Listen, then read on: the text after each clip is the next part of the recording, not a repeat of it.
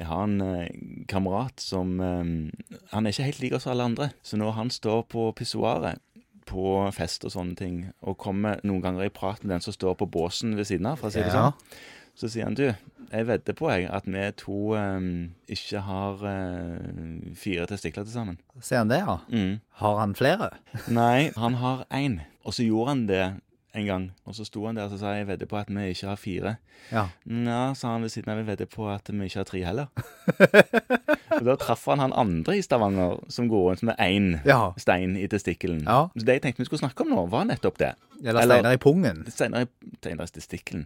Ja, jo, egentlig begge deler, Ja. for så vidt. Men eh, egentlig i pungen, ja. Ja. Det er jo den litt snåle diagnosen akutt skrotum. Ja, akutt skrotum um, det definerer jo akutte smertetilstander i pungen. Ja, Eh, ikke og- de- akutte kuler. Ikke akutte kuler nødvendigvis, og, og det, det kan vi kanskje snakke om en annen gang. Det er jo fryktelig akutt og noe som skal håndteres deretter. Ja visst. Ja, Men kuler i pungen, Som ikke er akutt skrotum, egentlig. ja, Ja. det er jo en problemstilling man møter relativt ofte. Ja. Kuler eller strukturer eller oppfyllninger eller ting i pungen som f- folk i større eller mindre grad har kjent etter. Som da jo ikke er de to kulene man gjerne vil ha der. Nettopp. Og det er klart at fra barnealder så er jo mangelen på kuler i pungen den vanligste problemstillingen. Og noe som må adresseres helst før skolealder. For det, hvis man da ikke har descendert testikkel, så vil det skape problemer på sikt. Ja, det vil det absolutt. Så det er noe så. Men etter hvert som man da kommer opp i, i tenårene, så begynner det å dukke opp strukturer i pungen som folk reagerer på. Ja.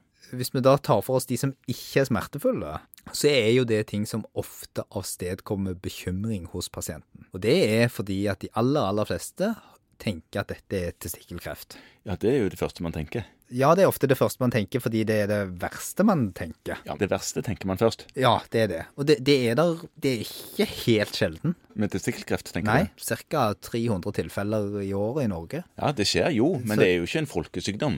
Ikke en folkesykdom, og det er ikke den vanligste årsaken til kuler i pungen. Nei, heldigvis. Eh, Og så er det, det som er viktig å si i den sammenhengen, er at det er en kreft som det er veldig godt potensial til å overleve.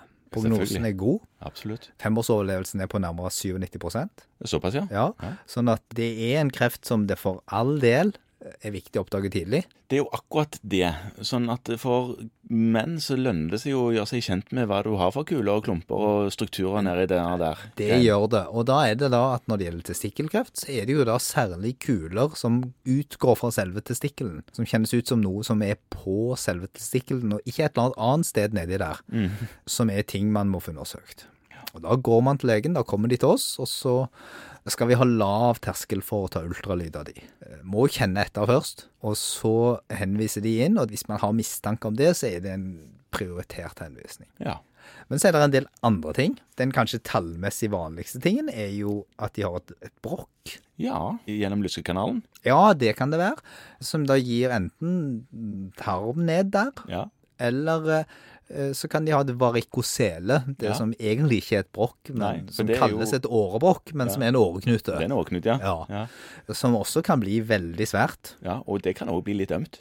Det kan bli ømt og plagsomt. Og i tidlig fase, særlig når de er under utvikling, så er det ikke alltid så lett å skille fra andre tilstander. Nei, men det sitter jo ikke på testikkelen. Det sitter ikke på testikkelen. Det sitter gjerne knødret over. Det knødrer, ja. Det er Et medisinsk eh, solid fagtermen knødrer over. Så kan man i det der området der også få det som man kaller for syster. Og Syster i bitestikkelen eh, i epididymis er ganske vanlig, og det kan være litt vanskelig å skille fra en svulst. Og Det Ja. sitter ofte anatomisk såpass nært, men det kan òg ofte sitte oppi det samme området. Men det koker jo ofte ned til dette her, at dersom du har en yngre kar eller en litt eldre Eller en litt eldre. som rapporterer at eh, han har funnet noe nytt i skrotum som han mener ikke var der før, så blir det ofte en ultralyd av Ja, dette. gjør det. Ta gjerne orienterende blodprøver. Det er veldig fint hvis du er- har stor mistanke om dette her, og sjekke testikkelfunksjonen og testosteron osv. Men det blir det.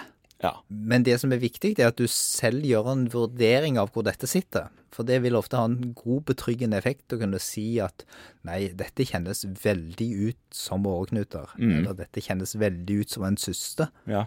Eh, Men vi tar en ultralyd. Mm. Men du skal ikke stresse så veldig med dette. Nei. Fordi at bekymringsnivået er ganske stort. Og så er det lett å tenke, som du sjøl var inne på, at dette er yngre menn, men det er jo vel så mye eldre menn Mm. som får testikkelkrefter. Og de skal jo da absolutt, selvsagt, henvises. Den siste tilstanden som vi har glemt å si noe om, er jo hydroceler, som er på Ja. en måte vannbrokk.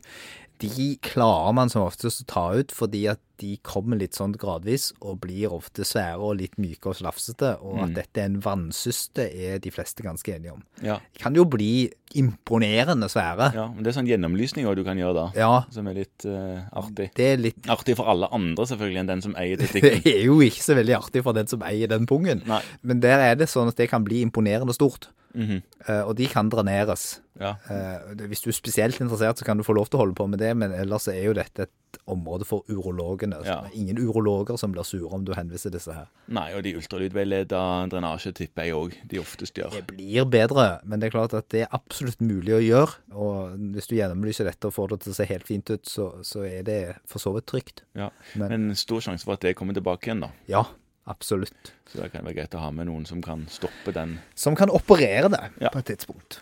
Godt, men da har vi snakket litt grann om kuler og klumper i, i skrotum. Ja, oppfordringen må jo være å oppfordre sine pasienter til å kjenne etter. Ja, akkurat på den samme måten som du oppfordrer kvinnelige pasienter til å gjøre seg kjent med brystvevet sitt. Absolutt. Nettopp.